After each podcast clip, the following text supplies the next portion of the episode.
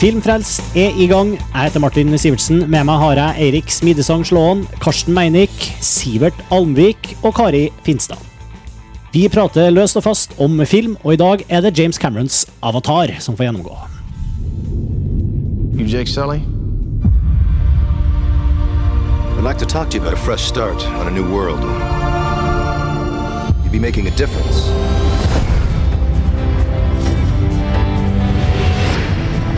Became a Marine for the hardship. I told myself I can pass any test a man can pass. All I ever wanted was a single thing worth fighting for. Ladies and gentlemen, you are not in Kansas anymore. You are on Pandora. You should see your faces. We have an indigenous population called the Navi. They are very hard to kill. This is why we're here. because this little gray rock sells for 20 million a kilo. Their village happens to be resting on the richest deposit, And they need to relocate. Those savages are threatening our whole operation. We're on the brink of war, and you're supposed to be finding a diplomatic solution. The concept is to drive these remotely controlled bodies called avatars. They're grown from human DNA mixed with DNA of the natives. Yes. Avatar. Den filmen eh, har vi jo gleda oss til i Ja. Vi begynte vel å høre om den for fire-fem år siden, men eh, James Cameron påstår at han har jobba med den siden eh, tidlig 90-tall. Og forventningskurven har vært sånn veldig opp og ned. Det har åpenbart vært en veldig vanskelig film å markedsføre utover det at det er en James Cameron-film. Eller på Erik, du, du så jo 20 minutter av filmen tidligere i år. Og 17 minutter så du, og da da, eh, etter at, og du og store deler av verden fikk se, eller mange filminteresserte fikk sjansen til å se en sånn sniktitt på, på såkalt Avatar Day i oktober, eller når det nå var. Og da På det stadiet så eh, fikk liksom forventningsgruva en sånn enorm knekk. Eh, traileren ble sluppet i forrige i uka før, eller i samme uka, og plutselig så slutta veldig mange å glede seg til Avatar. Mens, eh, mens nå når filmen kom nå, så har liksom gnisten spunnet opp igjen, og det, og det er en film som har fått veldig mye positiv omtale nå etter at den ble lansert. Hva, hva, liksom, har forandra seg siden du så eh, de første 17 minuttene og, og, og nå? Eh, Alt, egentlig. altså, De hadde jo Avatar Day 22. august, var det. At det var uh, før, førvisning på Avatar. Uh, og før førvisningen så var det jo en veldig positiv uh, buzz på Avatar. Altså Alle snakka om Avatar i positiv forstand, fordi ingen hadde sett noen ting. Eh, vi hadde vel sett to-tre bilder, så vidt jeg vet. Mm. Eh, og så kom denne offisielle Avatar-dagen hvor de viste 17 minutter, eller mellom 17 og 21 minutter eh, samtidig over hele verden. Og altså, alle ble egentlig veldig skuffa. Det var en sånn veldig konsensus at det her så jo rett og slett dårlig ut. Altså, det så, så ut som dataspill, som alle har sagt før. Og det så urealistisk ut, og det så Det mangla wow-faktor, og det så egentlig ganske banalt ut. Og egentlig ganske cheesy. Eh, og etter det så falt jo den filmen her veldig på alle mulige sånne radarer på, på alt fra fansider til uh, Altså, New York Times skrev en sak som handla om at det her var jo virkelig en uh, skuffende et, et, et, en, en, en skuffende utgave. Etter liksom elleve års arbeid så var det et veldig skuffende resultat. da, og Så, videre, så hypen bare forsvant fullstendig fra hele filmen. Og så kom det en trailer som bare fortsatte å ødelegge for James Cameron. Men så av en eller annen grunn da, så begynte man med sånne hemmelige førpremierer to uker før den offisielle premieren i USA. eh, hvor en del filmkritikere begynte å se filmen. Og de fikk jo selvfølgelig beskjed om å ikke legge ut anmeldelser før eh, premieren. Men så begynte smått og sent folk, folk å slippe litt eh, småting da, på Twitter og på, på diverse blogger og, og sånn. Og det de sa var jo at det var noe helt annet enn det vi hadde fått se, se på de 17 minuttene. Ikke fordi det var annerledes visuelt, men fordi at det, i kontekst så fremsto Avatar som en helt annen film enn det vi hadde inntrykk av. da. Og det er jo hovedforskjellen. ikke sant? Kontekst og ikke kontekst på Avatar. Fordi når man ser de 17 minuttene som vi fikk servert, så virka det rett og slett veldig banalt. Og det virka veldig, veldig eh, platt. Men når man da sitter og ser det i helhet, så er det jo av en eller annen grunn alt annet enn nettopp det. da. Pluss at det er en stor forskjell i effektarbeidet. fordi jeg, jeg har en følelse av jeg er ikke sikker, men jeg har en følelse av at når jeg så de 17 minuttene, så var det et mye mer, mye mer følelse av håndholdt foto enn det er i filmen i dag. Altså Det var mye mer kaotiske bilder. og det var mye, mye, mye verre å se det i 3D enn det det endte opp med å være. da. Mener du at de 17 minuttene du så, kan ikke var eh, de samme 17 minuttene som du ser, i den ferdige filmen? Nei, altså, jeg, jeg har sett flere som har sagt om at de føler at de har på en måte lagt inn en slags forstyrrelse i kameraene i de 17 minuttene, for at de var ikke ferdig med effektene, så de ville på en måte skjule at de mangla en del av arbeidet. da. Nå er det her bare en påstand, men altså, jeg hadde en veldig dårlig følelse av at jeg hadde sett en veldig sånn der, at, jeg, at jeg var veldig sjøsyk da, etter å ha sett de 17 minuttene og følte meg rett og slett dårlig etterpå. Eh, men etter å ha sett hele filmen så hadde jeg jo ingen følelse av det i det hele tatt. Så jeg mistenker at de kanskje har lagt inn en del sånne rotete kamerabevegelser for å skjule halvferdige effekter da, som selvfølgelig nå er fjerna. Men det store hele forskjellen er jo konteksten. Altså Avatar i kontekst er en helt annen film enn det man får se i en trailer, og det man får se på 17 minutter. Altså. Fordi litt, altså, jeg, mener, jeg ser jo fortsatt den effekten av at folk som ikke har det, det forholdet til en film, som ikke vet så mye om filmen eller om James Cameron på forhånd, og sånn, fortsatt ser på, på trailerne og ser på de rett og slett ganske sånn lite fristende filmplakatene og ser bare høye, blå datafigurer, og det har de ikke noe lyst til å se en film om, på en måte. Nei, og det, det, det er jo det morsomme som skjer nå, fordi altså, i premierehelga så var det jo veldig sånn de, de, som ikke så den, da var jo de som på en måte ville se en, en, en James Cameron-film. ikke sant? Og som ville ha sett den uansett, om den var dårlig eller bra. Type sånn som oss. ikke sant? Men nå, den siste uka, så har hypen begynt å snu, bli så fullstendig annerledes, spesielt i USA. altså nå nå går jo mødre i 40-50-åra, som det kalles da i USA. Litt sånn sjåvinistiske tilstander, men de kaller det mødre i 40-50-åra går og ser Avatar. ikke sant? Fordi de har blitt fortalt at det her er den store emosjonelle filmen de må se i år. Og det er jo helt, helt spesielt, fordi det her var jo på en måte i utgangspunktet en slags en fanfilm og en fjortisfilm. Som visse målgrupper ville se basert på trailerne, men nå har det på en måte snudd fullstendig. og nå er det en film som folk blir fortalt at du må ikke la deg lure av traileren, du må ikke la deg lure av de forferdelige plakatene, du må gå og se den, fordi filmen er noe helt annet enn det du får inntrykk av. Og det er jo en dundrende sånn kassasuksess òg, på verdensbasis nå. Ja, vi, kan jo, vi, kan jo, snakke om det etterpå, men den har jo allerede passert 600 millioner eh, dollar. Den har vel passert 700 tenker jeg, i løpet av kvelden i dag. 700 millioner dollar i verden, og det er jo Altså, Det er faktisk ikke et overraskende tall. da. Det er ikke et kjempestort tall, men det er eh, Det er et gigantisk tall, men det er ikke overraskende hvis man tenker på oppmerksomheten filmen har fått nå de siste to ukene. egentlig. Kari, du, eh, i hvilken grad hadde du gleda deg til filmen før du så den, eh, eller ikke? Jeg var litt, kanskje litt mer Jeg hadde gleda meg til den, men kanskje ikke sånn Det har aldri vært helt den bagen jeg har vært på. Jeg har ikke vært online-spiller som har på en måte levd meg inn i, i den type univers, selv om jeg er veldig opptatt av både eventyr og animasjon. Så jeg gikk jo med en slags hva skal jeg si, sunn skepsis inn i kinosalen. Jeg hadde ikke sett jeg, ut, jeg liker ikke å vite for mye om filmer, egentlig. Jeg liker å holde meg unna trailere i stor grad uh, før jeg ser filmen. Så kan jeg heller på en måte se det litt i etterkant og, og analysere det som altså Når folk snakker mye om en trailer, så er det jo interessant å se den. for så vidt, men, jeg hadde prøvd å uh, komme som et barn i kinosalen. og uh, Eventuelt som en warrior of the Jarhead Clan. Nei, men um... det, det, høres ut som du klarte. Ja, jeg syns jeg klarte det ganske bra. Så sånn sett jeg ble jo veldig um, Jeg synes jo, jeg satt meg bare og sugde til meg det som, som kom, og det var jo veldig imponerende som en ting sånn rent teknisk, men jeg syns også det var um, det er fint å kunne se noen som klarer å bruke det til å skape karakterer, til å skape et univers som er fengslende. Det var det som, er, som slo meg, da. Eh, Karsten? Ja? Du har også sett Avatar i 3D, kanskje? jeg har også sett Avatar i 3D, og jeg har også gledet meg. Uh, Eirik og jeg har en veldig sånn felles uh, verden i forhold til hvordan vi følger med på filmnyheter og filmstoff.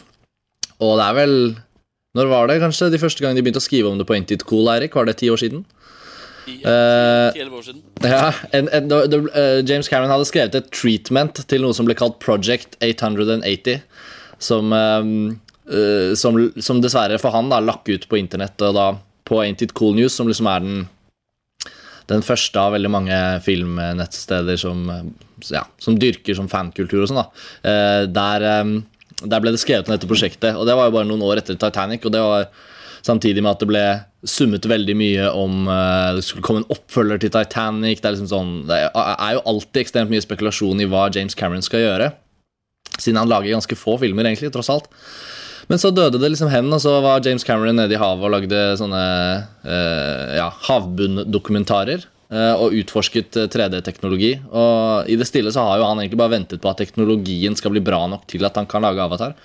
Så alt dette har jeg fulgt med på opp gjennom årene og gledet meg, men, men med James Cameron Jeg syns jo han er en utrolig bra regissør. Han er en av mine favorittfilmskapere. Jeg synes liksom James Cameron eh, Blant fans så er han ikke glemt, men sånn, litt sånn, hvis man leser litt sånn gjengse anmeldelser av Avatar nå, så føler jeg liksom at har ikke folk egentlig da visst hvem det er som lager denne filmen? For det, det er James Cameron, liksom. Kom igjen. Uh, Som, har ikke- som vi har jeg- sagt før på Filmfrelst, han har ikke lagd én dårlig film. Nei, ikke sant? Det, er jo, ja, det er jo vi ganske enige om, ikke sant? Men uansett Så den forventningen min til Avatar, selv om jeg også ble veldig skeptisk i høst uh, i forhold til det Eirik snakket om, så går man jo og, og er ganske trygg på at James Cameron uh, tross alt Han er en av de filmskaperne som nesten alltid hever ambisjonsnivået fra forrige film, men samtidig parallelt egentlig lager verdens dyreste film hver gang han lager den.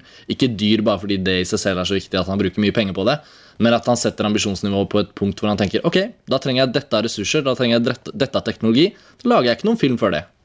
Så han er jo helt unik sånn sett, og det er mange, så det er mange grunner til å glede seg til Avatar, og det var ingen tvil om å se denne filmen på noe annet tidspunkt enn åpningsdagen på den beste kinoen tilgjengelig. Så det ble Colosseum 1 i 3D, sammen med Eirik og Lars Ole. I, den tanken om at James Cameron bruker lang tid på å lage hver film og venter på de riktige effektene og det riktige, måte, det riktige nivået da, på effektene, så ligger jo det også problemet hos James Cameron med Avatar. For å gå litt tilbake til det med for, forutsetningene for å lage Avatar. fordi Hypen var jo også massiv fordi James Cameron skulle forandre filmspråket. Påstod han. Han skulle flytte standarden til et nivå som ingen hadde tenkt var mulig. ikke sant? Og, så videre. og sånne ting er alltid veldig farlig. Selv om Det samme ble jo sagt om Titanic. ikke sant? Titanic skulle forandre filmskalaen. ikke sant? Eh, og Folk trodde på det en periode, og så forsvant den troen. og Så kom en trailer, og så sa folk at «Å, ja, det her er bare en helt vanlig katastrofefilm. Og så begynte filmen å ha førpremierer, og vips, så, skjedde faktisk akkurat det. Filmen flytta, flytta nivå, da. Eh, så det er sånn den klassiske, typiske James Cameron-filosofien. At han holder på med sitt et eller annet sted i verden, og sitter der alene i x antall år, mens alle vi andre sirkulerer rundt han og prøver å få, få ut et bilde og prøver å forstå hva som foregår. Eh, Entitconius slipper et plott ikke sant? lenge før filmen kommer, osv. Og det må jo på en måte, Lufta av, av, av, i den ballongen må jo gå ut på et eller annet tidspunkt. altså et eller annet tidspunkt så må folk tenke at ok, nå er vi lei, liksom, nå gidder vi ikke mer. Nå vil vi se. da, nå, nå, nå vil vi se, men altså, det er der folk veldig ofte med James Cameron bare tenker at ok, men da gidder vi ikke å vente lenger, nå er vi lei. Og så får filmen en veldig, et veldig negativt fokus i en periode. Men James Cameron kommer alltid tilbake. fordi det rare er at de synes det ender alltid opp med at hans film uansett bare overgår det som folk hadde forventet. da. Eh, og han greier alltid å nettopp levere det nye. ikke sant? Eh, Så selv om folk for lengst har, har fått en bismak i munnen fordi han har ikke fulgt opp fansen med å gi en eneste, et, et eneste hint av materialet, så tar han innersvingen på alle sammen uansett. Og Det er så utrolig imponerende at han alltid gjør det. Når hele verden følger med, og hele verden snur seg mot han og sier at nå er vi lei av at det ser ut som dritt. liksom, Det ser ut som en møkkafilm. Vi er ikke interessert. Og så kommer filmen, og så bare greier han allikevel å omvende fans og kritikere i det hele tatt. Og Det er jo veldig imponerende. Men, men det ligger jo altså Han, han har jo lagd en veldig veldig sånn teknologiavhengig film. Og han har jo ikke bare sittet og venta på teknologien, han har jo også selv brukt mangfoldige ja, milliarder la ta det til, kroner på å, på å utvikle teknologien selv. Og uh, i hvert fall de, uh, deler av den. Og for, bare sånn, for de som ikke kjenner til, til, til konseptet, her, så er det en film som er ja, litt sånn, jeg vet ikke hvor mange prosent, men veldig veldig mye av, eh, av verden og det aller meste av kulisser er jo heldigitalt. Det er en ting, men også eh, hele avatar-konseptet går ut på at du har mennesker som setter seg inn i, i en science fiction-verden for å utforske en, eh, en fremmed planet eh, hvor det ikke går an for vanlige mennesker å, å overleve. Så eh, prosjiserer de seg selv inn i eh, de her romvesenene som bor på den planeten, og de ser ut som eh, ja, mennesker med tynne, høye mennesker som er blå, men de er fortsatt humanoide. Altså de har menneskelige trekk, og de har ansikter som må kunne relateres til menneskeansikter på en eller annen måte, og det er så mye Altså, den teknologien som Vi, vi, vi visste jo alle at denne teknologien er mulig, men eh, vi har liksom bare sett den i korte eh, scener. Altså, vi, det å lage en hel film basert på på heldigital eh, teknologi hvor det kreves at det er Jeg skulle til å si fotorealistisk, men Avatar er kanskje ikke fotorealistisk, men det er i hvert fall så fotorealistisk at vi i det store, for det aller meste i hvert fall ikke tenker over at, eh, at det ikke er det.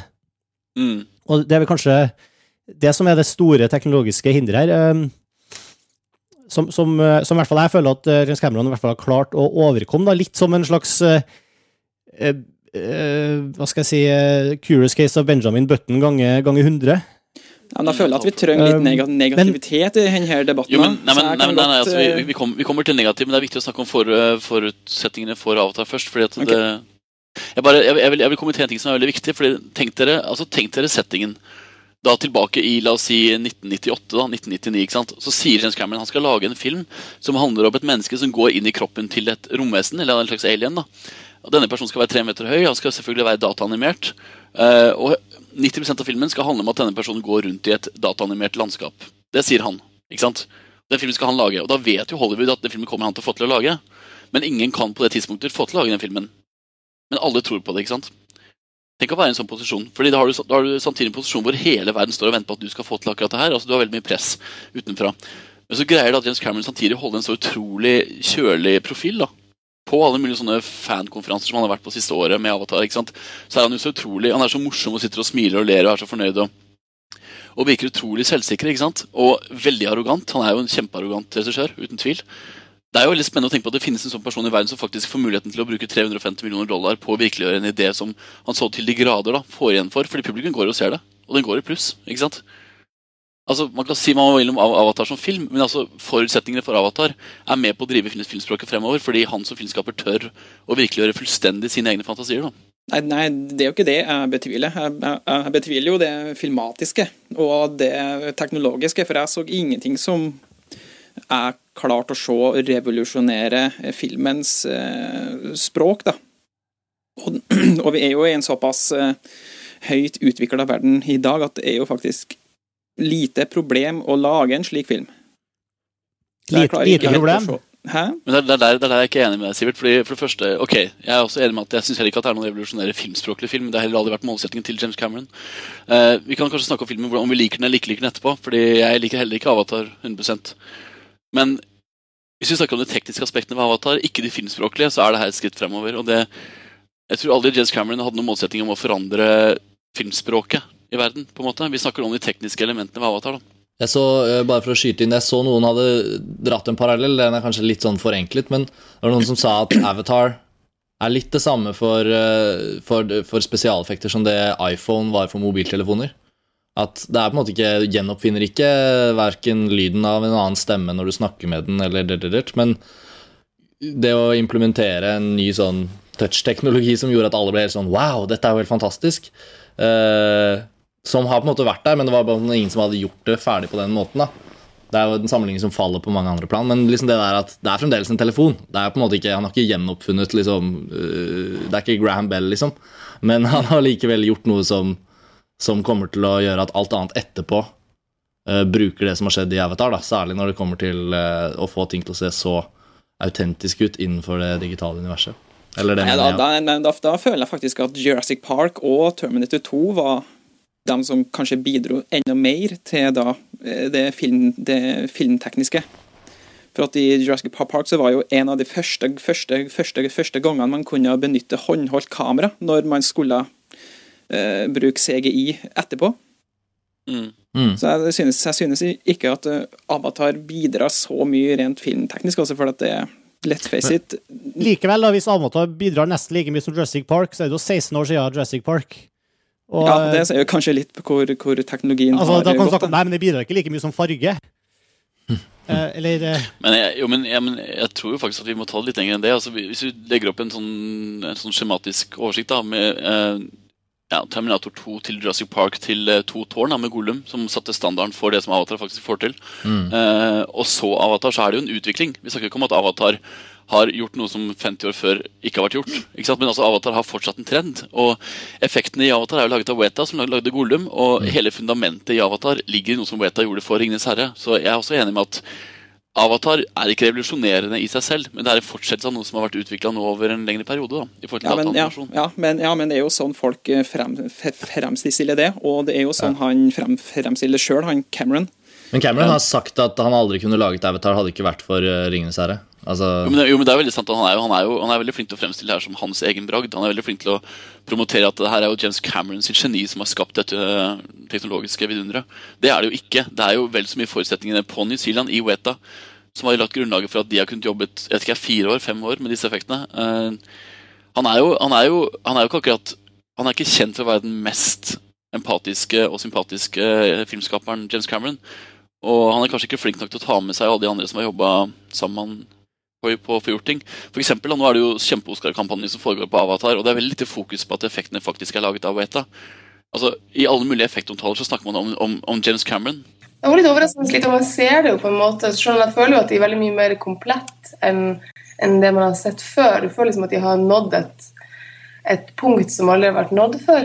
Men det har vært veldig lite fokus som sagt, på at det, det vet jeg. Det er jo, kan jeg, inkludert meg. Jeg har på en måte ikke fått utdypa det så veldig når jeg skrev om og Um, det som jeg tenker på, men som, som er genialt med Cameron, det er jo nettopp det du sier, at han er at han har såpass tro på seg sjøl og er så stoisk uh, i forhold til hva buzzer i verden sier. Han bryr seg, virker i hvert fall som han ikke bryr seg så hardt. Han lar seg liksom ikke dytte i verken den ene eller den andre retninga. Det, det vitner jo om en storhet som ikke nødvendigvis er sympatisk, men som jo er en forutsetning for å skape sånne filmer. Men, men så har han jo gitt filmen en tittel og en, eh, en, tematikk som, liksom, som, som er jo veldig fokusert på altså, Betydninga i Avatar-tittelen er jo eh, kjempeherlig, for den handler jo altså, både Det er jo liksom en analogi på måten han produserer filmen på, samtidig som det handler om Samtidig som det er det handlingsforløpet går ut på.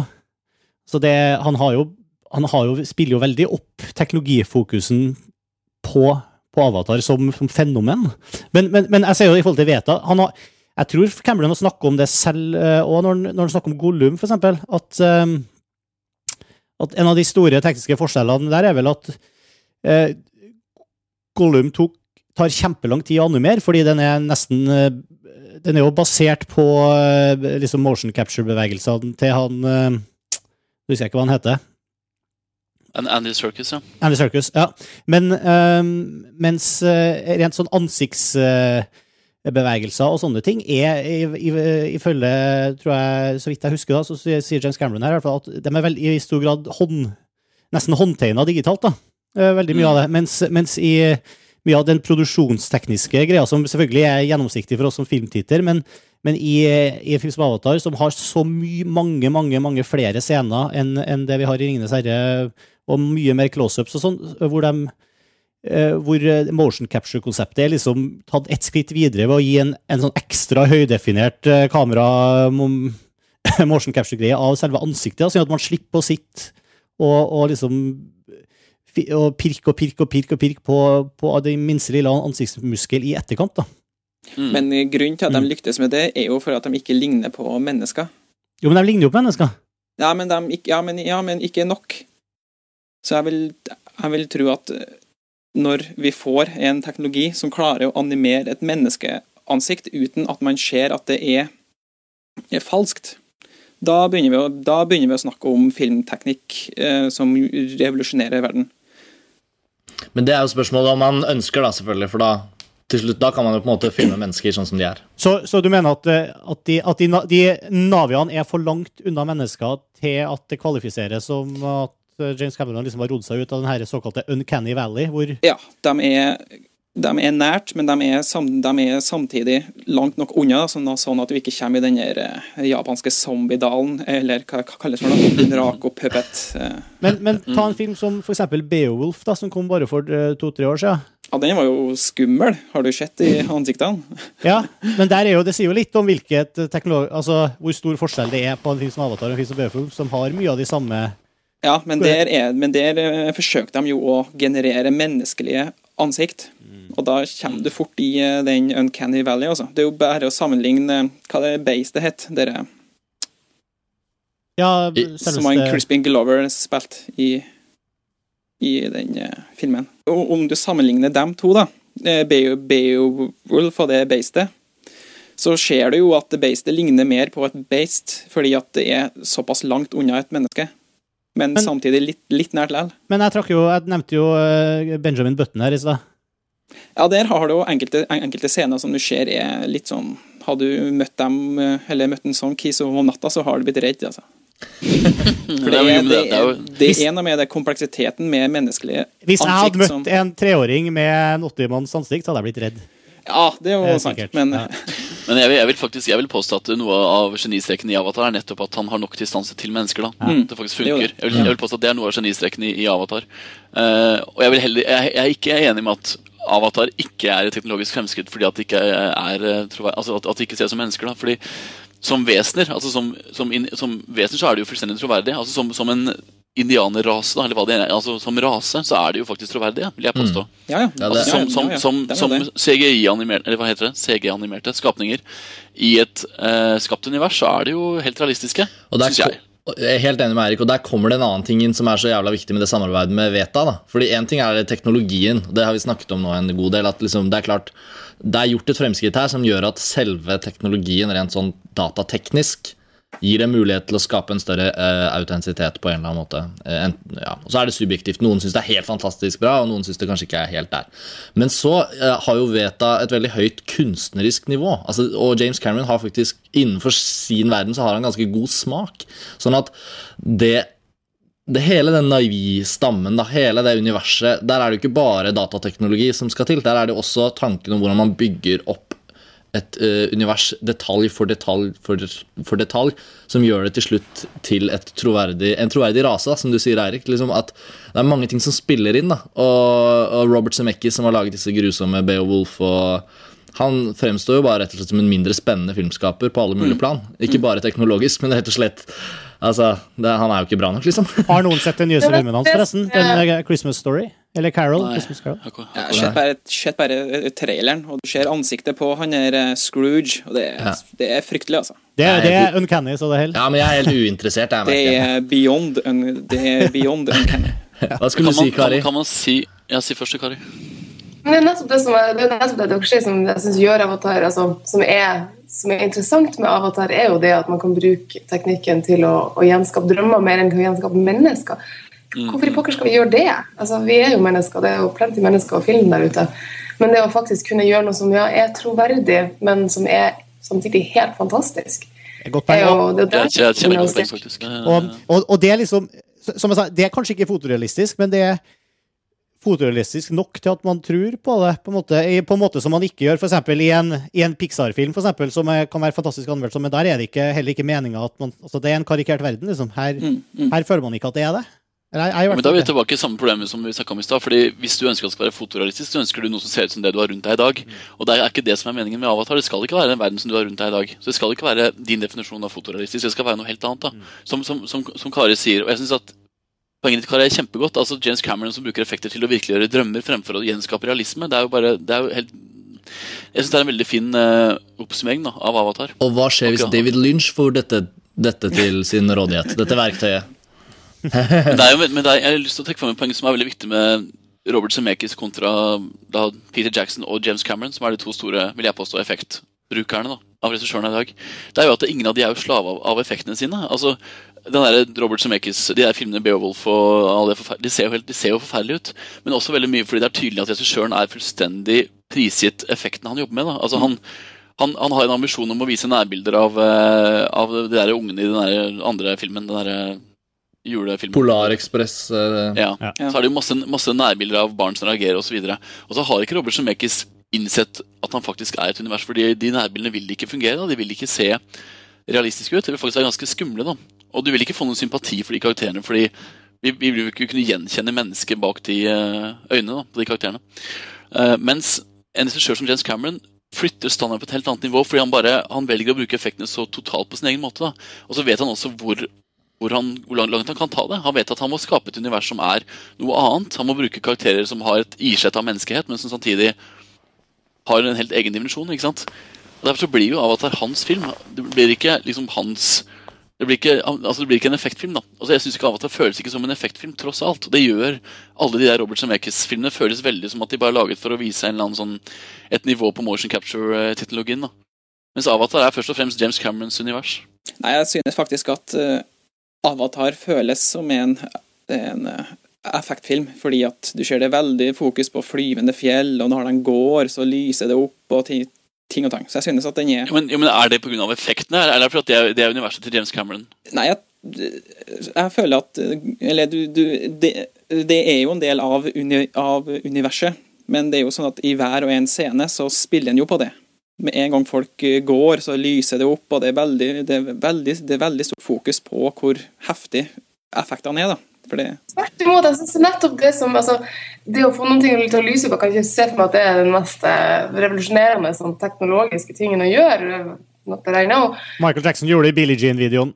Ja, men det er jo måten han filmer på. Det er jo veldig sånn. Det er det som på en måte gjør at det er et eventyr. At det er noe helt annet enn den skogen du tar og tusler ut i på søndagstur. liksom.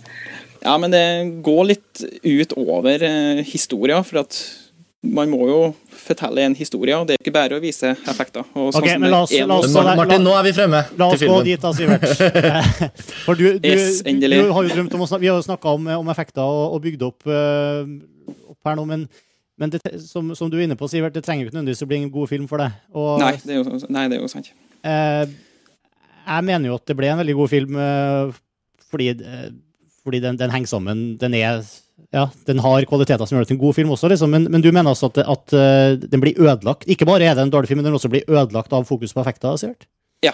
Mm. For at det er en del eh, Du merker at det er en del tråder han ikke følger. Han, han velger heller å følge den eh, dere effektsporet ved å, ved å, filme i dramatiske vinkler og la dem hoppe ned fra gigantiske trær osv. osv.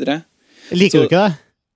Jo, det er jo jævlig kult, da, men uh, ja. når det begynner å bli for den n-te gang, da, det, da, begynner det å bli mye. Du har, du har skjønt poenget. Så men, historien lider, altså, under, under hans effekte effektonanering, som jeg vil kalle det. Ja, men altså, jeg, jeg, mener at det for eksempel, jeg, jeg, mener at det er enormt forskjell på uh, at måten James Cameron gjør det her på, eh, for eksempel, og måten eh, det ble for gjort på i en film som Transformers 2, som også er en effekt-onani-film, ja, som, som, som, du skrev, Sivert. Men den, ja. den, har jo ikke noe av det jeg liker med Avatar. Og de, de har, begge filmene er jo like hva du si, uh, crazy spektakulære, men Avatar er velregissert på en måte som, og velskrevet. På, selv om den er formelmessig skrevet, så er den i hvert fall den, den, er, den, har, den, funker dramatisk på en måte som Transformers 2 ikke gjør, f.eks. Men der har du jo det som eh, Hva skal jeg kalle det? Der har du jo uh, regissør uh, Regissøren blir da faktor X her. Uh, han kan hete han, han som laga uh, Transformers. Han heter for Michael, Michael, Bay. Michael, Michael Bay ja. Han er jo kjent for å være en effektfyr. Han lager ikke, han lager ikke filmer som er veldig god historisk. Så han slipper unna med at eh, Transformers 2 er en sånn effekt-onani. Jeg syns ikke han slipper unna med det. ja, jeg, jeg, jeg, jeg lot han litt sett de fleste filmer av han, så, så, forsøker ikke han å fortelle gode historier med dype ting og tang. Mens eh, Cameron han har en filmografi som tilsier at han bør gå den eh, retninga. Jeg er veldig, veldig uenig, altså. Jeg er veldig uenig, fordi Michael Bay for det første er Han, han, han, han slipper ikke unna det her. Altså, Michael Bay er en uttalt effektspesial, altså som blockbuster-regissør. Mm. Og det er det han er. Så han, han, slipper ikke unna med det. Han bare, det er hans posisjon her i verden, og det er han veldig tydelig på. på en måte. Han ja, ja, ja, men, ja, men det er jo nettopp mitt poeng. Han kan gjøre det fordi han har sagt at det er sånn jeg jobber. Du, når, når, du ser en Michael Bay-film, så forventer du ikke å sette spørsmål ved din egen seksualitet. eller noe sånt. Du forventer heftige effekter og pene damer. Men, men altså, de aller fleste som går på kino, tenker ikke at de går og ser en Michael Bay-film. De tenker at nå skal de gå og se den nye Transformers-filmen. Jo, men, okay, men altså, Vi er på litt annet nivå enn det. da Vi snakker ikke om de som går og ser Transformers for at det er bra effekter. Vi snakker om de som går og ser Transformers fordi det er en Michael Bay-film. Og de går og ser Transformers fordi de vet at de får en effektfilm, og det er Michael Bay. Altså, og han, han, slipper ikke unna med det, for det, det ligger en slags, en slags, veldig negativ idé i det å slippe unna med noe, vil jeg påstå. Og det, det, det fortjener ikke Michael Bay. På samme måte som at Avatar, James Cameron han er, han er ikke, altså, eh, Avatar er ikke prisgitt effektene sine i det hele tatt. Uh, effekten i James, James Camerons Avatar kommer fordi James Cameron skapte et univers som forlangte disse effektene. Altså Det er James Cameron som er moderatoren i det universet her. Det er ikke effektene. Mm. Og, og, det er samme Titanic, samme med T2. Altså, mm. Han lager en idé, han lager et univers, og så kommer effektene. Men Michael Bay går inn og sier ok, kult, nå kan vi lage robotene. Nå kan vi liksom gjøre de shotene hvor han hopper ned fra trærne. som du snakker om, ikke sant? Mm. For det tenner, det tenner Michael Bay. Det tenner, ikke, det tenner ikke James Cameron, vil jeg påstå. Jeg tror James Cameron er teknologidrevet også. I, Jo men, ja. han, jo, men, jo, men Da handler det mer om genuin interesse for hvor han kan ta teknologien. Ikke for å vise publikum se hva jeg kan gjøre, for noe, men se hva han selv kan få til i sin historie med de effektene. Altså, jeg vil påstå at Det ligger, det ligger en mye mer positivt og mye mer verdiskapende i, eh, eh, basis hos James Cameron enn hos Michael Bay. da Jeg Ja, nesten- veldig enig. det, Ja, jeg- jeg ja, men det, det så, Sånn som jeg, jeg ser det så, burde det, så burde det gjøre det. Men med Avatar så stiller Cameron seg i Michael Bay sin kategori. Han blir en effekt-keys. Og Cameron han er ikke sånn. Han er en historieforteller som har gode effekter. Men Martin, kan jeg, kan jeg bare skyte inn en ting her? Eller var det noen andre som sto i kø nå som ville si Nei, kom igjen, Karsten. Fordi vi har jo ikke sagt noe om hva Avatar handler om. Uh, det. Nei, nei, vi trenger ikke Jeg skal ikke, skal, ikke- skal ikke ta sånn plot description. Men jeg likte jo Avatar veldig godt. Og jeg, eh, den sammenligningen faller litt for meg eh, Litt fordi Erik, Det er poenget til Eirik, men uh, sammenligningen med Michael Bay, altså. Men, eh, men jeg følte Avatar, tross alt den handler om noe. I tillegg til det Eirik kom med, så syns jeg at den, den har faktisk noe den ønsker å fortelle med den teknologien. Den ønsker å skape liksom en parallell verden som fungerer som allegori til ting som har skjedd i vår egen verden. Eh, og den forsøker å handle om noe, selv om kanskje historien er litt enkel. og jeg vil det si er at vel vært kanskje på forsøker. Jo, men for meg så fungerer Dødsparten av det er at man kan ikke, selv om eh, Cameron kommer og gjør noe som, som er helt nytt eh, når det gjelder den teknologiske måten å kunne fortelle historie på, så kan man på en måte ikke forvente at han skal oppfinne kruttet. Han vil jo komme med ei Man må på en måte forvente seg at en historie som har en del klassiske trekk. Selv om jeg synes det er imponerende. som du sier, han, gjør jo faktisk, han har jo flere nivåer i historien sin. Um, og selv om det selvfølgelig det er en, det er en blockbuster, altså det er en storfilm, uh, så det vil komme en del dialog som er liksom fengende og catchy. Det vil komme en del poenger som kan altså, for det hvite bandepublikummet kan virke veldig banal. eh, så er jo, så er historien godt fortalt. Og du har liksom en del klassiske historietrekk som jeg syns fungerer helt utmerket. Og det er vel også det som har gjort at Camerons tidligere effektfilmer egentlig har overlevd. Altså, selv om jeg syns det er veldig imponerende når eh, han T1000 i T2 smelter om og bla, bla, alt det kule effektstæsjet i T2, så snakker man jo ikke om T2 fordi det var kule effekter. Den holder jo nå fordi den har en veldig God spennende historie. Altså, da vi snakket om det, men sånn derre far-sønn-tematikken mellom robot og gutt, det er jo kanskje en av de tingene som holder best. Titanic, Ja, hvorfor er den faktisk en film jeg fremdeles blir ved og ser hvis den går på TV3 midt på natta, selv om jeg har sett den liksom ti ganger opp gjennom årene? Det er fordi at det er, det er øyeblikk der, men det er ikke fordi at skipet synker på en teknologisk fantastisk måte. Det er jo liksom fordi at eh, det er noen øyeblikk der. da. Og, og en av de tingene som slo meg med Avatar, var det som overrasket meg mest at jeg likte, var at jeg syntes det var, en, jeg synes det var øyeblikk, og jeg syns det var eh, scener og tematiske ting som liksom Wow, hvor kom det fra? Det hadde jeg ikke forventet. Og det er fordi at forventningene på forhånd handler veldig mye om effekter, handler veldig mye om det teknologiske fremskritt og sånn. Men nå når jeg sitter og tenker på Avatar, og jeg skal se den igjen i kveld for andre gang sammen med Eirik, og, og ta med meg lillesøstrene mine, fordi jeg er helt overbevist om at de kommer til å like den. Ja, men sånn som Jeg har to lillesøstre, en på 14 og en på 18. Og Jeg er helt overbevist om at de kommer til å like den filmen, men de har ingen forventninger om dette som har med effekter å gjøre. Og Jeg tar dem ikke med fordi jeg skal vise dem en eller annen kul 3D-gimmick, eh, for det er jo ikke en gimmick, men uansett. Jeg tenker dette kommer de til å like liksom, som en uh, historie. Og det jeg kommer til å huske best fra Avatar, er kanskje Neytiri, da, denne overraskende sexy tre meter høye blå skapningen. Uh, jeg kommer til å huske uh, sluttsekvensen fordi den er en utrolig bra payoff. Mange sånne ting, da. Jeg, jeg føler at vi trenger en director's cut. Nå vet ikke jeg om han fikk det siste klippet, da. Men det virker som det er en del ting og tang som han ikke har tatt opp der, altså. Eksempel han eh, som driver dette gruveselskapet. I løpet av filmen så ser du at han starter å angre seg og starter å få litt sånn ja, sånn andre tanker, da, men det, det sporet blir ikke forfulgt. Han velger heller, heller å sprenge et gigantisk tre. Så jeg, jeg føler at det, er noe som mangler. altså. For at det skal bli en ordentlig historie som, som forsøker å si noe, foruten at har du, har du trua på en rar guddom, så funker det. Jeg, er litt enig i deg der, Sivert, at, at den er, det er ikke en enormt uh, mangefasettert og, og intrikat og dyp og velfortalt. Den er velfortalt, men, men i hvert fall en meningslada historie, selv om den er sånn veldig sånn tydelig i, i en del sånn eh, Ja, som du sier, Karsten, en allegorier eller eh, paralleller til dagens krigssituasjon og sånn, men men, men jeg syns jo Kari har et veldig godt poeng. Altså, her, han, han har liksom, han lager verdens dyreste filmer, og han er nødt til å vanne dem ut litt for å, få, for å, for å ikke havne nettopp i det hvite båndet-kategorien som gjør at, eh, at den ikke kan fortsette å lage dem. Ja det, ja, ja, det er jo en veldig trygg film, da. Så det er jo ikke noe mye som kan gå, kan, kan, kan gå galt. Den her vil tjene penger. Og det er jo Fox som har eh, produsert den, så de har sikkert lagt en del kraftige føringer på hvordan han skal lage den. Men, men han, han er jo utrolig god da, på å foredle de her uh, tradisjonelle uh, den, den helt sånn tradisjonelle dramatiske strukturelle oppbygginga og de liksom, og payoffene på de riktige tidspunktene og holde interessen vår gående gjennom Jeg syns, han, liksom, han forteller på en, på en utrolig dyktig måte, som, som Cameron alltid gjør, egentlig. Ja, men han kunne vært bedre, føler jeg. altså. Det er noe som mangler, altså. Mm. Det er ikke en Cameron-film som jeg er vant til å se Cameron. Den blir litt for platt og litt for uh, se hva jeg får til med dataen min.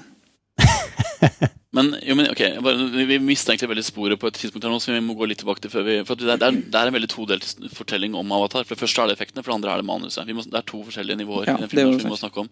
Eh, nå hoppa vi mellom begge to. Jeg syns vi skal først gjøre oss ferdig med én ting, og det er det at jeg, jeg vil si meg fullstendig uenig med at James Cameron er Michael Bay. Jeg vil si meg fullstendig uenig i at Avatar er en effektfilm. Vi er ikke enige. Jeg vil si at Avatar er et resultat av en mann som hadde en veldig tydelig idé og et veldig tydelig konsept om en planet, om et univers. Som For å kunne komme dit så måtte han over elleve år bygge opp et effektnivå som kunne lage dette universet. Altså historien først, og så effektene. vil jeg påstå. Samme er det med T2, samme er det med Titanic. Når, når, når Titanic ble promotert i sin tid, så snakket folk om at å ja, men skal han liksom gjenskape at de senker Titanic. Det har man gjort før. Det har vi sett før. Altså da, Det har vært laget filmer om det før. altså Man har brukt miniatyrer og senket båter, og det har sett eh, dårlig ut. Men så visste jo alle sammen at hvis, hvis denne regissøren skulle fortelle historien om Titanic, så ville vi jo selvfølgelig få det på en helt annen måte enn vi har sett før. Ikke fordi at effektene kom til å være så mye bedre, men fordi at historien til James Cameron ville forlange at effektene skulle være så mye bedre. Ikke sant? Og det mener jeg er hovedprinsippet før vi går over, til å snakke om eh, det også jeg mener er et helt elendig manus. Da vil jeg si at det er så viktig å ikke bare undergrave effektene i Avatar og undergrave når de folka hopper ned fra trærne og trærne velter, som et effektshot. Det handler vel så mye om at James Cameron hadde en idé om at dette skulle gjennomføres, og så måtte effektene nå opp til James Camerons nivå. da. Ja, men det, Det har jeg jeg jo aldri betvilt. Men det er jo den Nei, men det er, vel- det er, det er veldig mange mellom- nå Hva du si? Nei, altså jeg, jeg, bare, jeg, jeg syns det er veldig feil å snakke om Avatar som en film som, eh, som eh, faller igjennom fordi eh, det handler bare om effekter. Men, men det er jo åpenbart at, at Cameron er jo en geek som er veldig glad i teknologi, også i handlinga i filmene sine. Altså Alle filmene hans handler i større eller mindre grad om teknologi, i tillegg til de andre Mm. tingene de handler om. Og at han derfor skri, lager det er jo Han skriver jo som regel historiene sine sjøl òg, at de derfor inneholder elementer som nødvendigvis som er teknologisk i sin natur, liksom. Og, og derfor Mm. krever masse, masse dyr og avansert teknologi for å realisere på film også. Men det som er så morsomt med sånne regissører som Steven Spielberg og James Cameron og, så er at når, når de tenker historier, så har de jo gudskjelov, for å si det sånn kommersielt, så har de også historier som fenger veldig allmennpublikummet. ikke sant? Altså, de har en, La oss si, kalle det en veldig banal og litt sånn prosaisk måte å fortelle fortellinger på, da, som gjør at både mamma og kanskje til og med bestemor og min lillesøster liker filmene. ikke sant? Eh, heldigvis, altså Hadde Michael Haneke hatt det samme universet som, som denne regissøren her, så hadde jo ikke de filmene her solgt. Men gudskjelov da, så er James Cameron en person som eh, appellerer veldig til det store publikummet. Jo, men, jo, men det, det, De lander, og de er lander på en det alien-planet hvor alle alienene har masse eksistensielle kriser og bare går, går rundt og Ja, ja, men, jo, men altså, det, det kunne fort ha vært sånn, og da hadde, da hadde ikke denne film fått lage denne filmen her. Da hadde han ikke fått penger til det. Det finnes sikkert nok av regissører ute i verden som har store ideer som aldri blir laget fordi de ikke får de budsjettene. Men altså, James Cameron har vist at han takler Han takler begge nivåer. da. Han, han greier å appellere til veldig mange, samtidig som det blir hans store personlige film. For det er det jo faktisk. Det er jo hans univers vi snakker om her. Det er en film som har tatt elleve år å lage. Det her er ikke en Michael Bay-film. Det her er ikke en klassisk effektdrevet Hollywood-film. Det her er en eh, James Cameron-film funnet på, oppdiktet i hodet til James Cameron. Og det er en autørfilm, vil jeg påstå. Det kan vi snakke om etterpå. Men det er, det, er, det er en veldig banal oppsummering og litt sånn respektløst forhold til James Cameron å si at det her er en, eh, effektdrevet film. Det her er en fantasidrevet film, som Kari sa helt uh, genialt i stad. Jeg vil bare skyte inn her i forhold til det med, det med mora, mora di. skulle jeg si. Uh, og Sivert vil sette pris på det her, selvfølgelig. Uh, jeg fikk nettopp mail fra Erik Fogel, som ikke kunne være med på episoden i dag. Men han sa at mora hans har gått og sett filmen og sovna i første timen og syntes den andre timen var ræva. ja, ja, men, men ok, Ja, ja. Vi, kan godt, vi kan godt få fokuset over til å snakke om hvorfor Avatar også faktisk er en veldig dårlig film. Etter min mening også, Sivert. Jeg er enig med det, men jeg bare vil at vi skal unngå å ende opp at vi har et tempo hvor vi sier at Avatar er en eh, film som er prisgitt sine egne effekter. For jeg vil påstå at effektene er 100% prisgitt James Camerons ideer da, i denne filmen her. Ja. Det kan jo være interessant å spørre seg, da ehm, Den teknologien som, som James Cameron har utvikla nå, og, og fått på banen her nå, den vil jo bli billigere og mer tilgjengelig etter hvert. eh, og tilgjengelig kanskje for andre filmskapere også.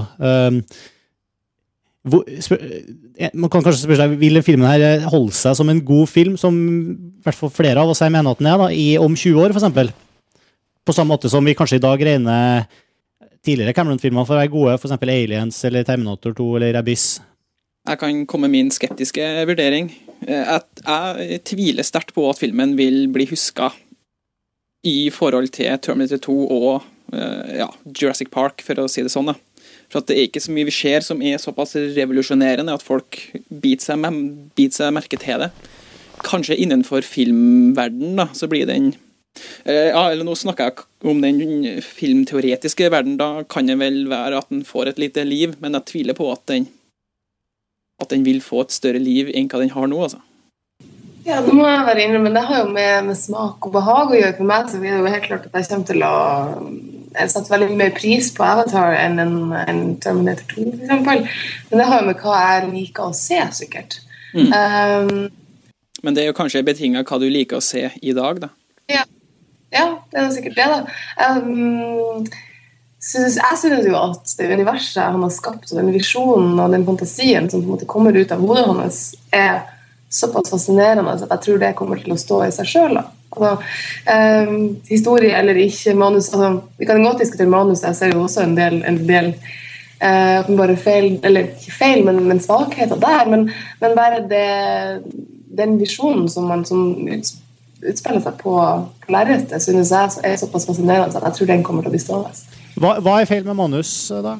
Eh, Erik? Eh, Jeg må først si at jeg er jo faktisk Jeg er jo, jeg er jo ikke enig med at James Cameron kunne ha laget bra filmer. Jeg syns jo f.eks. Uh, True Lies er en dårlig film. Jeg syns Titanic er en ganske kjip film, eksempel. Så jeg er ikke enig med at James Cameron er en eh, fyr som bare har laget bra filmer. Eh, men Avatar altså Etter å ha sett den, så var eh, både Lars Ole og Karsten og jeg helt oppe i skyene og var egentlig nesten tilnærmet hysteriske pga. filmen. Altså helt satt ut av den. Og Da handla det først og fremst om at jeg følte at jeg hadde sett en film hvor James Cameron virkelig greide å virkeliggjøre sine absurde ideer. da, Visualisert, effektmessig osv. Men etter, etter, litt, etter et par dager da, så begynte filmen å sette seg litt mer som en fortelling. Og eh, jeg må jo innrømme Nå, per i dag, så husker jeg Avatar som en film som engasjerte meg veldig. Eh, samtidig som jeg hele tiden underveis i filmen savna forløsning på en del konflikter. Jeg savna karakterutvikling, og jeg savna jeg savna og irriterte meg litt over en del sånne veldig banaliteter da, som James Cameron greier å presse inn i det universet her. Så jeg syns at Avatar er en veldig todelt opplevelse. På den ene siden syns jeg at den er eh, unødvendig eh, ujevn til å være en James Cameron-film. På den andre siden syns jeg at den er eh, altså, imponerende visualisert da, og som et, et autørverk fra James Cameron. Fullstendig virkeliggjort. da. Så Jeg er enig i um, Til dels enig. Altså, jeg ble ganske engasjert i historien. Jeg synes han, denne, med det å ta det for det det er, jeg synes han klarer å fortelle coming of age-historie ganske bra. Jeg synes Kjærlighetshistorie er engasjerende. Men altså, en del av The Bad Guys er jo veldig eh, Hva skal jeg si De har ikke dynamisk karakterer. Veldig ensidig. Altså, det er ikke noe dybde der. Og man kan jo si at ok, man har kanskje ikke tida til å, til å utvikle det. Um, og i den sammenhengen jeg så det, så, så aksepterte jeg det. det måte, jeg svelgte det glatt. Selv om det gjør jo at, at de i seg sjøl ikke blir så troverdige. Jeg synes det for så vidt er bra at han fokuserer mer på en del andre nivåer i historien som, som jeg syns fungerer ganske bra. Altså, en ting er det allegoriske nivået, men altså, i forhold til f.eks. vestlige sivilisasjons eh, eh, og på en eh, eh, måte å behandle stammefolk og natur på, eh, og måten vestlig kultur av en eller annen grunn innbyr seg at vår kunnskap er mer korrekt og riktig og viktig enn en andre kulturer sin kunnskap, og at man derfor glemmer å i det hele tatt sette seg inn i det stedet man Altså den kulturen man beveger seg inn i. Og det å Det som jeg kanskje syntes var mest interessant, var jo også hovedpersonen. Det å komme Å være tilsynelatende en tom kopp og faktisk la seg fylle uh, av det man møter. Uh, det syns jeg var et interessant aspekt som kanskje man ikke ser så ofte i filmhelter. Det er ikke om dere er greia i det. Sivert? Du har, vel sagt, Ja. du, du, du har kanskje sagt ditt om hvor, hvor Ja, jeg, plumpt jeg, jeg det her kan jo er? gjenta det. Det er jo det at jeg føler at det er en del eh, tråder der som har blitt klippet av. Da. Du, har, du får bare en forferdelig enkel og kjedelig, kjedelig kjærlighetshistorie med litt uh, spredt eh, action og litt spirit, spirit, spirit ja, åndelighet, da, for å si det sånn. Og at han kunne ha gitt oss mer når det kommer til filmfortellinga. Det er det jeg føler. Jeg, jeg, må, jeg må si, jeg er helt jeg er enig i at det ikke er spesielt engasjerende rent sånn eh, historiemessig, men jeg, jeg, jeg er veldig villig til å gå inn i filmen her og se på den både nå, da, når jeg så den som, eh, som en, som du var inne på, Erik, som en opplevelse, og ikke som en eh, som en kilde til refleksjon og ettertanke. Også. Litt på samme måte som en uh, tur på uh, berg-og-dal-banen. Liksom. Ja, men tror du ikke at det er kun fordi at effektene var såpass bra, da? Nei, fordi at, At det ble bare en sånn wow, så Nei, ikke kun det. det, for det, de også er en, det er en god opplevelse. Altså, hvis, hvis, uh, hvis eh, Avatar er superduper-loopen berg-og-dal-banen, så er liksom Transformers 2 en ødelagt karusell. På en måte. Ja, men det, ja, men det er veldig godt sagt, Martin. Jeg, jeg er veldig enig. Altså, jeg, jeg, også vil ha en veldig sånn, jeg vil ha en veldig forskjell på min holdning til effektene som historiefortelling og som et vellykka universfremstilling. da. Fordi jeg elsker universet, og det handler ikke om effektene. Det handler om at han har greid å bruke effektene som et element i å skape et univers. da. Og det gjorde meg eh, veldig engasjert. Men ja, jeg digger effektene, og jeg, liker, jeg er jo Ja, de er jo veldig kul. Jeg er jo geek. Men altså, jo, men effektene, altså, La oss snakke om produksjonsdesign. da, Det handler ikke bare om effekter. Altså, Det her er et univers som altså, det, er, det, er en, det er en utrolig naiv holdning å bare snakke om effekter. For Nå begynner jeg på'n igjen, men altså Ja, vi snakker noen ikke har bare om effekter. un- Nei. Nei, men, altså, nei, men altså generelt i samtalen vi tar nå. fordi Effektene er én ting, men altså de har vært tegnet av en produksjonsdesigner og av James Cameron. altså Alt handler om, alt, alt starter et sted. da. Før det kommer inn en datamaskin og skal dataanimere, så har noen skapt dette universet visuelt. da. Ja, men også der føler jeg at det er ikke noe som appellerer veldig eh, før jeg ser det i Altså, det appellerer ikke i traileren, det appellerer ikke på plakaten. Eh, Ser jeg konsepttegninga, så lar jeg meg ikke Det er jo i, i den filmkonteksten som eh, den levende fi, opp, filmen som er en oppdagelse og en opplevelse hvor jeg er med å oppdage den verdenen her eh, fra, fra scene til scene. liksom. Det er det som gjør det. Men jeg føler, er det, er det, ja. men jeg føler ikke sånn som du sier, at vi må skille eh, historiefortellinga fra effektene. For jeg mener at du må se filmen som en helhet. Vi må se effektene opp mot hvordan han forsøker å fortelle sin historie. Da er jo på mange måter Eirik og du enige, for det Eirik også mener, sånn som jeg hører det, i hvert fall, er jo nettopp det at James Camerons helhetstanke som regissør er, er det som er viktig for filmen. At han bruker effektverktøyene sine for å illustrere hele det universet han har på en måte drømt opp da, og tenkt ut. Det kommer jo fra han som regissør mye lenger det før at det, det er jo ikke liksom han som sitter der og tenker sånn nå, har jeg masse, nå har jeg masse verktøy plutselig, hva skal jeg bruke det til? Da bruker jeg det til litt og litt. Så, sånn opplever ikke jeg det i det hele tatt. da. Det er virkelig en følelse av at han, dette er det han vil lage, liksom. Ja, Og da har han det- funnet på de verktøyene han trenger. Men det er jo sånn at jeg føler at han har bomma litt, da. Det at Om du ser filmen som en helhet, så virker det som han er veldig opptatt av å vise oss de 3D-effektene og, og hvor, hvor flink hans folk er til å lage dataanimerte ansikt av kattelignende vesen. Du, er- du er inne på noe der som ikke har nevnt ennå, Sivert. Jeg må bare si at eh, som kommentar til det eh, jeg jeg regner jo det her som en av de største filmopplevelsene jeg har hatt i år. Eh, og, men jeg har ikke sett den i 3D. Eh, Nei, kun skjeten i 3D. ja. Her ja, det, det sier vel kanskje litt om, uh, om hvordan det her uh, ja, har, har, har verdi uavhengig kanskje av, av, av hvorvidt den er i 3D eller ikke, eller som har vært en, også en veldig sånn teknisk aspekt som, som det har vært mye snakk om rundt filmen her. da. Men ja, det, det, Nei, jeg bare, jeg bare sier at det, det, gjør, også- altså det, det må det er, det, vi er, det er jo ingen her som er utelukkende opptatt av effekter, når det, bortsett fra at vi ser det på det som en viktig del av, av filmen som helhet. Det er vi vel alle enige om. Ja. Nei, men jeg synes vi, vi snakker om effekter på en veldig rar måte. fordi Nå snakker vi om effekter bare som dataanimasjon, og det er et veldig moderne perspektiv på effekter. da. Effekter handler om veldig mye mer enn bare dataanimasjon. Uh, er, det, er, er, er, noen som, er noen som husker den scenen hvor uh, hovedpersonen går inn bak en foss i filmen? Ja. Eksempel? ja. Det er en scene som selvfølgelig er glitrende dataanimert. Altså, da har vi dataanimert vann som er helt troverdig. Altså, det er animert, liksom, Animasjonen er helt liksom bare sånn, ingen, ingen har gjort det så bra før. Og det er dataanimasjonen. Men det er ikke det som gjør det troverdig. Det er jo lydmiksen som gjør det troverdig i den scenen der. Og det er en effekt. Ja, men det er jo om, det jeg ser at vi Så jeg må få. jeg synes at altså, eh, universet i Avatar er så virkeliggjort og så gjennomført at det engasjerer meg så innmari. handler ikke bare om dataanimasjon. Ikke sant? Eh, og, det, og det handler ikke om show-off, for det finnes veldig mange subtile elementer i bruken av effekter i Avatar som ikke handler om show-off. F.eks. av lyddesignen, da, som jeg mener er Altså den, Se film på nytt og tenk på lyden, fordi det er så utrolig subtilt gjort da, på veldig mange felt. Som gjør at det blir troverdig. ikke sant? Og som er med å understreke det at dette, dette universet blir hva jeg vil påstå er en slags versjon av fotorealistisk. Da, fordi lyden er så utrolig eh, nyansert. da, ikke sant? I kontrast til f.eks. Transformers 2, da, hvor lyden egentlig til syvende og sist bare er støy og bråk. ikke sant? Som forstyrrer sansene dine, som gjør at du bare ser robotene og syns de er veldig bra for at du hører bare lyden av, av robotene.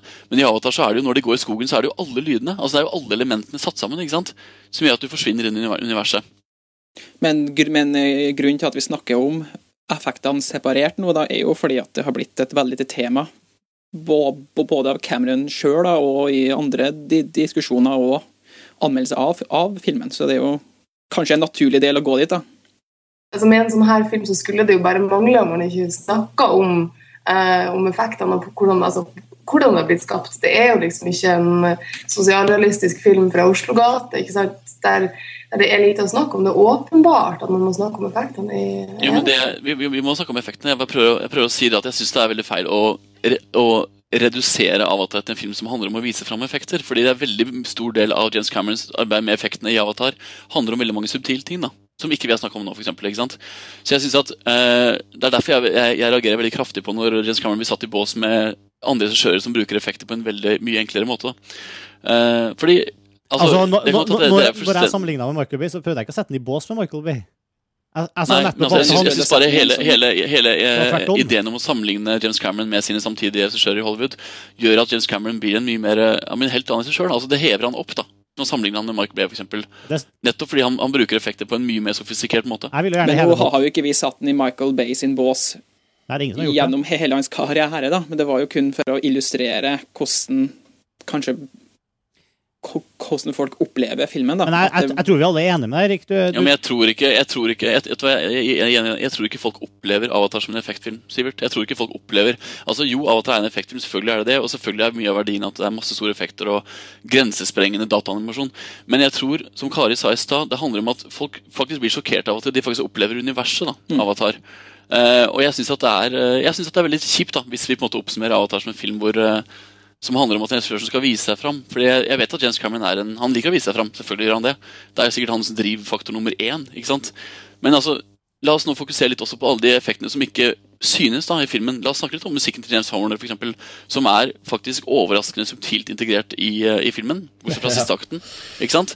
La oss snakke, Alt det her er effekter. og Dataanimasjon tilhører de siste årene i filmhistorien. ikke sant? Før det så snakket man om masse andre effekter. 3D er en effekt som mange har snakket om med Avatar, som ikke vi har nevnt enda, ikke sant? Så alt det her til sammen handler om at jeg flytter fullstendig til Pandora ikke sant? i denne filmen. Hvorav dataanimasjon er én veldig viktig faktor. da. Men nå det er er det kanskje virkelig- litt feil å snakke om musikk og sånt og lyd, siden det er såpass etablerte konvensjoner og direkte Ja, Men dataanimasjon i dag er en veldig etablert konvensjon. Sivert. Altså Dataanimasjon er en veldig etablert konvensjon nå. Ja, men den er såpass ny og i en større utvikling enn hva lyden er og mm, enn uh, musikken. Jeg vet ikke, jeg er enig sånn, Ta nå andre animasjonsfilmer. Hvis du ser Wall-E, for eksempel, så føler jeg at det som virkelig er interessant å diskutere der som et, et bærende element for karakteren, er jo lyden. Mm. Eh, Der kunne man jo egentlig laga et helt, helt podkast der man kunne snakka om lyden i Wall-E. Jeg er helt enig, og det er jo faktisk det er jo ganske, ganske spesielt, for det er en film som til slutt synes og sist handler om at du blir imponert av følelsen til den roboten. ikke sant? Hvor engasjert du blir i roboten. Og det handler jo egentlig veldig mye om lyden. Lyden framfor vet ikke jeg, Kanskje til og med lyden framfor dataanimasjonen. da. Ja, men der er det jo lyden har jo en større del, da, siden det er såpass uh, Hva skal jeg si Det er jo en animasjonsfilm, uh, i den forstand at vi ser at det er en animasjonsfilm, mens i uh, Avatar så forsøker de å skjule det for, for, for oss.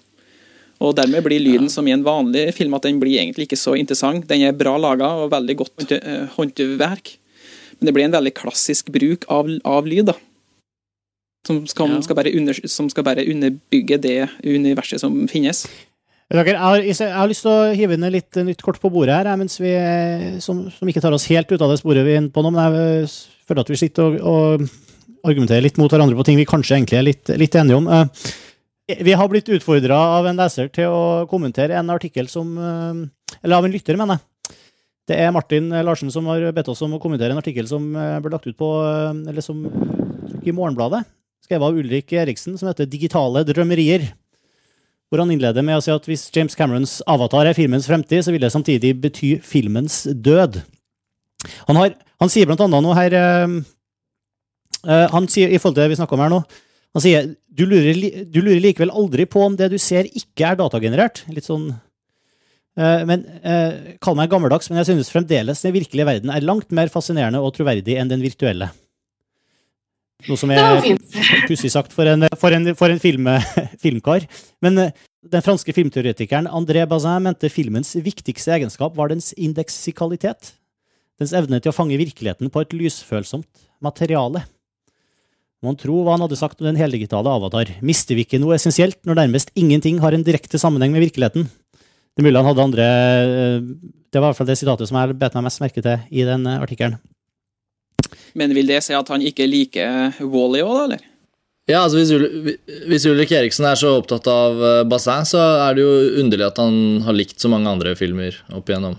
Altså, Bazin er jo en fyr som på mange måter er litt Jeg syns det er veldig interessant å lese hans eh, teorier og alt mulig, men han har jo på en måte Han, han skrev om film i en tid hvor filmen Altså, jeg passer, liksom. ja, han har, det har ikke utviklet seg så radikalt som ting har utviklet seg nå. Da. Og på mange måter så, Hvis man skal bruke Bazin veldig, veldig, veldig konservativt når man vurderer film, så er jo nesten all moderne film lever jo ikke opp til Bazins i, i, i idealer. Altså, Ideelt sett så ville jo ikke Bazin at man skulle klippe heller, fordi det er jo ikke det at ikke man skal klippe, men han likte Livet var et, uh, livet var et long take, som han sa. ja, ja, ikke jeg, på en måte, da.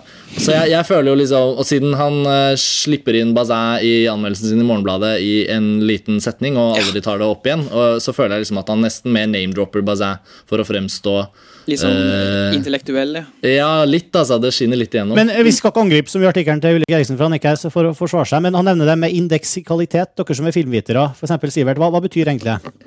Det er ganske kort forklart at indeksikalitet det peker på noe som en gang i tida var foran linsa. Så vil si at om du tar et bilde av et insekt, så var det et insekt foran linsa som har da festa seg på, i Bassins tilfelle, en eh, foto fotografisk film. Handler det da om å, om å, måte, om å belyse kameraet også, som en del av opplevelsen? Eller handler det om, om det som skjer foran kamera? Eh, Om du ser et bilde av et i- i- i- insekt, så vil du da garant, så, så, så, så er det da nesten garan, garantert at det insektet en gang har fantes. Det er vel det som er poenget. Det peker på noe som har vært. Vil 3D tilføre eller trekke fra på denne indeksikaliteten? Det har vel ingenting med indeksikalitet å gjøre, for Basset sine teorier baserer seg jo på eh, fotografisk film, altså sølv, sølvfilm. Og avfotografering av noe som finnes på ordentlig. Ja. Det er som er så viktig Mm. her. Altså, Så Basset derfor har jo er det veldig, veldig, banalt å trekke, inn, eh, å trekke inn han i en sånn sak, fordi Basset snakker om referanser til en virkelig verden. ikke sant? Mm, mm. Uh, I tilfelle Avatar eller Wall-E så er jo, snakker vi jo ikke om en virkelig verden. Vi snakker om noe som faktisk, på, i hvert fall i min påstand, da, og som Basset aldri, aldri opplevde, bruk av å ska, altså skape et univers som ikke finnes. da. Ja, men du snakker ikke om den virkelige verden i eh, filmen. Det hvite båndet, eller? Jo, det gjør det Jo, definitivt. for der, der er det Ja, men, nei, men det gjør det definitivt. For det, der det handler er om jo å, la, å hele lage en, settet er jo virkelig i det hvite båndet. Ja, men Ikke det har ikke jeg sett. Jeg har bare sett det som er på skjermen foran meg. Jeg bare Ja. ser, det noe, noe greier i svart-hvitt. Det var jo ikke svart-hvitt sett. Det var tatt opp i farger. Jeg, jeg så det jo i svart-hvitt. Jeg, jeg, jeg, jeg så jo en historie som ikke aldri fant sted, som ble spilt av skuespillere på en scene. Ja, Nei, det er jo ganske vanskelig begrep, da. Men det Det er, er men da, da, ja. Mm, Nei, men det, dette, det, det handler vel i bunn og grunn om at det er et såpass Du, du, du liksom går ikke inn i et minefelt, men du går liksom inn Hvis du nevner Bazin, så må du på en måte ta for deg det ordentlig. Fordi da må du liksom gå inn i hele Da må du åpne det vepsebolet der. Og Det er derfor jeg føler det, det fall, skinner veldig gjennom akkurat der, fordi at, fordi at altså, Det er liksom en helt annen verden, den filmverdenen vi har nå. Men, men på en måte, da, hvis man skal leke litt med Bazin, så kan man nesten snu det, snu det opp ned og si La oss si at Bazin levde da, og fikk muligheten til å se at James Cameron har utviklet et verktøy som nesten da, La oss si at det nesten er, øh, er autentisk, det vi ser på i, i Avatar. Så er det da det første filmverktøyet som gir deg muligheten til å avfotografere dine egne fantasier og drømmer. Altså, Hvorfor er fantasien til James Cameron noe mindre virkelig? på en måte? Han har jo tenkt det ut, han har forestilt seg det. Det er helt åpenbart, Vi så det jo i filmen. Det er ikke virkelig vår virkelige verden. Men hvor virkelig er vår verden lenger? da? Ja. Er en tanke mindre virkelig enn et insekt? Jeg synes det var en egentlig veldig bra perspektiv. En tanke er jo selvsagt mindre virkelig enn enn hva et eh, insekt som eksisterer i den fysiske verden. Men en tanke er mer mektig enn et innsikt, f.eks.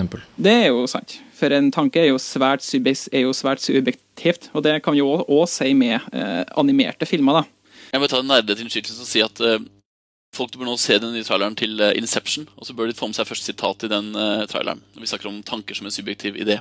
Ok?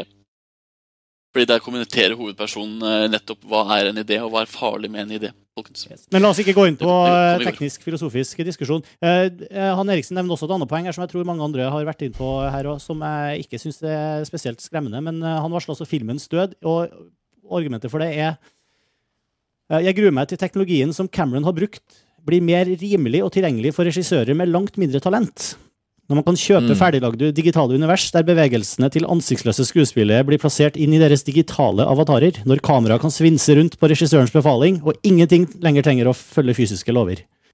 Nei, Det viser jo bare hvor, egentlig hvor lite kunnskapsrik han eh, Eriksen er, altså. For at du Helt siden Enig, enig, faktisk. 30-tallet så, så har man jo spådd filmens død ved at den ja, Lyden ble jo introdusert på 30-tallet. Og Da sa jo alle at oi, da vil jo filmen dø, for, for, for filmen er jo kun visualitet. Ja. Og så det var også, Filmen ble jo også spådd død når DV-kameraene kom og ble så Ja. Tenk hvis noen danske filmskapere får DV-kamera i sine hender. Jeg Ja, lurer på hva som som om, skjer da. ja. Grusomt for filmens fremtid. Ja, ja, det er jo helt forferdelig. Og YouTube skulle jo Altså, tror at filmen kommer til å dø av litt animasjon når vi fortsatt går på teater. Men det var noe så, altså, sånn, det er mange ting som er mulig. Ja, Det er betyr ikke at det er en som kommer til å eksistere. Ja. Altså, Jeg ser ikke filmens død eh, innenfor eh, de neste 100-300 årene, nei. Demokratisering av teknologi er ikke neppe skadelig for filmen. er vi enige om. nei. Nei. NRK Du vil jo få den- produsert Ja. Eh, Jeg skulle bare si at Det ble skrevet et innlegg eh, om akkurat dette her hos eh, den NRKs utvikler-teknologiblogg, som heter NRK Beta, som sikkert mange av våre lyttere også leser. Hvor, hvor han dro parallellen til, også til YouTube. Da, at måte, du må bare regne med at selvfølgelig er det jævla mye dritt som lages når folk får muligheten til å legge ut ting på nettet. Det vil alltid være sånn at liksom, ok, greit, hvis James Cameron har funnet på et nytt verktøy nå, så kan det godt hende at det er mange filmskapere som lager en dårlig film hvor de bruker det verktøyet. Men de hadde sannsynligvis laget en dårlig film uansett. Uh, selv om YouTube er stappfullt av utrolig mye dritt, så finnes det fremdeles den 1% med kvalitet som kanskje ikke ville vært der uh, uavhengig av det. Da. Så egentlig hele det der filmens dødsspådommen faller jo bare på sin egen urimelighet. Og jeg ser det jo faktisk som en nødvendighet for utvikling at flest mulig får tilgang til sånn til teknologi. For at jo flere folk som lager noe bra, jo større press blir, blir, blir det på Cameron og Spielberg til å lage noe som er top of the notch, altså.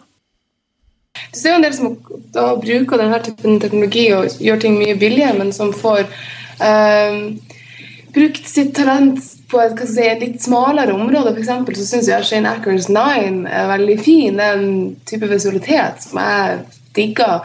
Uh, det var, altså, den filmen hadde jo ikke vært mulig eh, for en del år siden. Og i tillegg så altså, hadde den ikke vært mulig hvis ikke det var rimelig nok å, å gjøre det litt sånn i garasjen. omtrent. For det her vil jo eh, utvilsomt bli garasjeteknologi om, eh, Noen år, ja. om noen år. Men i, i det, sånn på kort sikt så har jo James Cameron selv sagt at han vil bruke verktøykassa si nå til å lage flere filmer. Uh, Avatar-filmer. Flere avatarfilmer. Opp, oppfølgere, rett og slett. Mm. Det blir jo det, Skal vi prøve å oppsummere eller, eller komme med noe Prøve å runde av litt her? Vi har prata lenge om Avatar nå. Er det noe tema vi bør innom? Som føler det er noe vi ikke har nevnt? Nei, den, hva skal man si? Ja? Jeg syns jo folk burde gå og se den bare fordi det er Det er faktisk noe der som man ikke har sett før. Kanskje hovedsakelig fordi det er et så vel, velskildret univers. Et helt nytt univers. Og det er ikke basert på en bok, og det er ikke en oppfølger til en annen film som eksisterer fra før. Det er faktisk Mm. noe nytt. Det er så, sånn sett så er det jo nyttig og spennende. En ny serie leketøy. Det blir, ja, det blir det. En Det ny det helt burger sikkert. på McDonald's og sånn. En blå en. Vi må ikke glemme at det er en amerikansk film. Ja. Ja. Vi må også innom eh, Gjett filmen-konkurransen vår. Eh, Forrige Filmfrelst spilte vi følgende klipp, og da var det altså opp til dere som hørte på, å gjette hvilken film det her var fra. So I just held the trigger back and fanned the hammer. It was one of those old time boom, boom, boom, boom, boom. And I blew him out of the gas station. And ever since then, I always carry this. I hear that.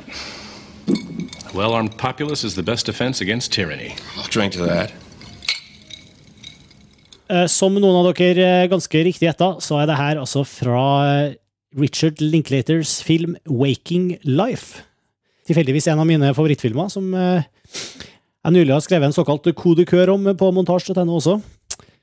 Så sjekk ut det. Eh, Og ukas vinner er en, en av våre mest trofaste lyttere, vet jeg, som eh, så vidt jeg vet ikke har eh, blitt trukket ut til å vinne før. Det er altså Geir Fristad som eh, gratulerer, Geir. Du får en montasj-T-skjorte i posten. Og nå, nå er faktisk montasj-T-skjortene endelig trykt opp og i hende. Jeg har en hjemme her nå, så jeg kan bekrefte at det nå eksisterer dem. Og den er også på vei til deg. Og dere andre som hører på, får en ny sjanse til å vinne nå, for vi skal spille et nytt klipp. Spiss ørene. Hvilken film kommer det klippet her fra? You know what this place needs? I'm listening. Needs grass. We're gonna start our grass business? That's right, man. I'm gonna sell the grass, and you're gonna cut it. It's gonna be called Sanborn and Sons. we'll be rich. I like that. Crabgrass, St. Augustine, man. How about this? You sell it, I. Det var så mye å gjette filmen her. Eh, Hvis dere kjente igjen klippet og klarte å plassere den, så send oss en mail til filmfrelst.montasj.no. Skriv konkurranse filmfrelst33 i emnefeltet, og eh, i tillegg til å oppgi eh, tittelen på filmen, så gi, også, gi oss også postadressen deres og hva slags T-skjortestørrelse dere ønsker dere. Men da tror jeg vi skal runde av her, folkens. Uh, I dag var det Avatar. Neste Filmfrelst blir det Michael Hannekes uh, film Det hvite båndet. Absolutt en av uh, våre store uh, favorittfilmer her uh, på montasje, i hvert fall. Så det gleder jeg meg til å prate om. Uh, vi høres om uh, ja, rett over nyttår. Ha det bra så lenge, og takk for laget, folkens. Ha det bra. Ha det bra. Ha det. Ha det. Filmfrelst er en ukentlig podkast fra filmnettstedet montasj.no. Du finner oss i iTunes eller på montasj.no slash filmfrelst. Og vi tar gjerne imot innspill og tilbakemeldinger på filmfrelst at montasj.no.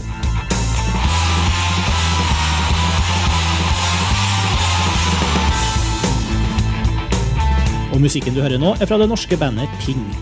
Hør mer på thepingpage.com.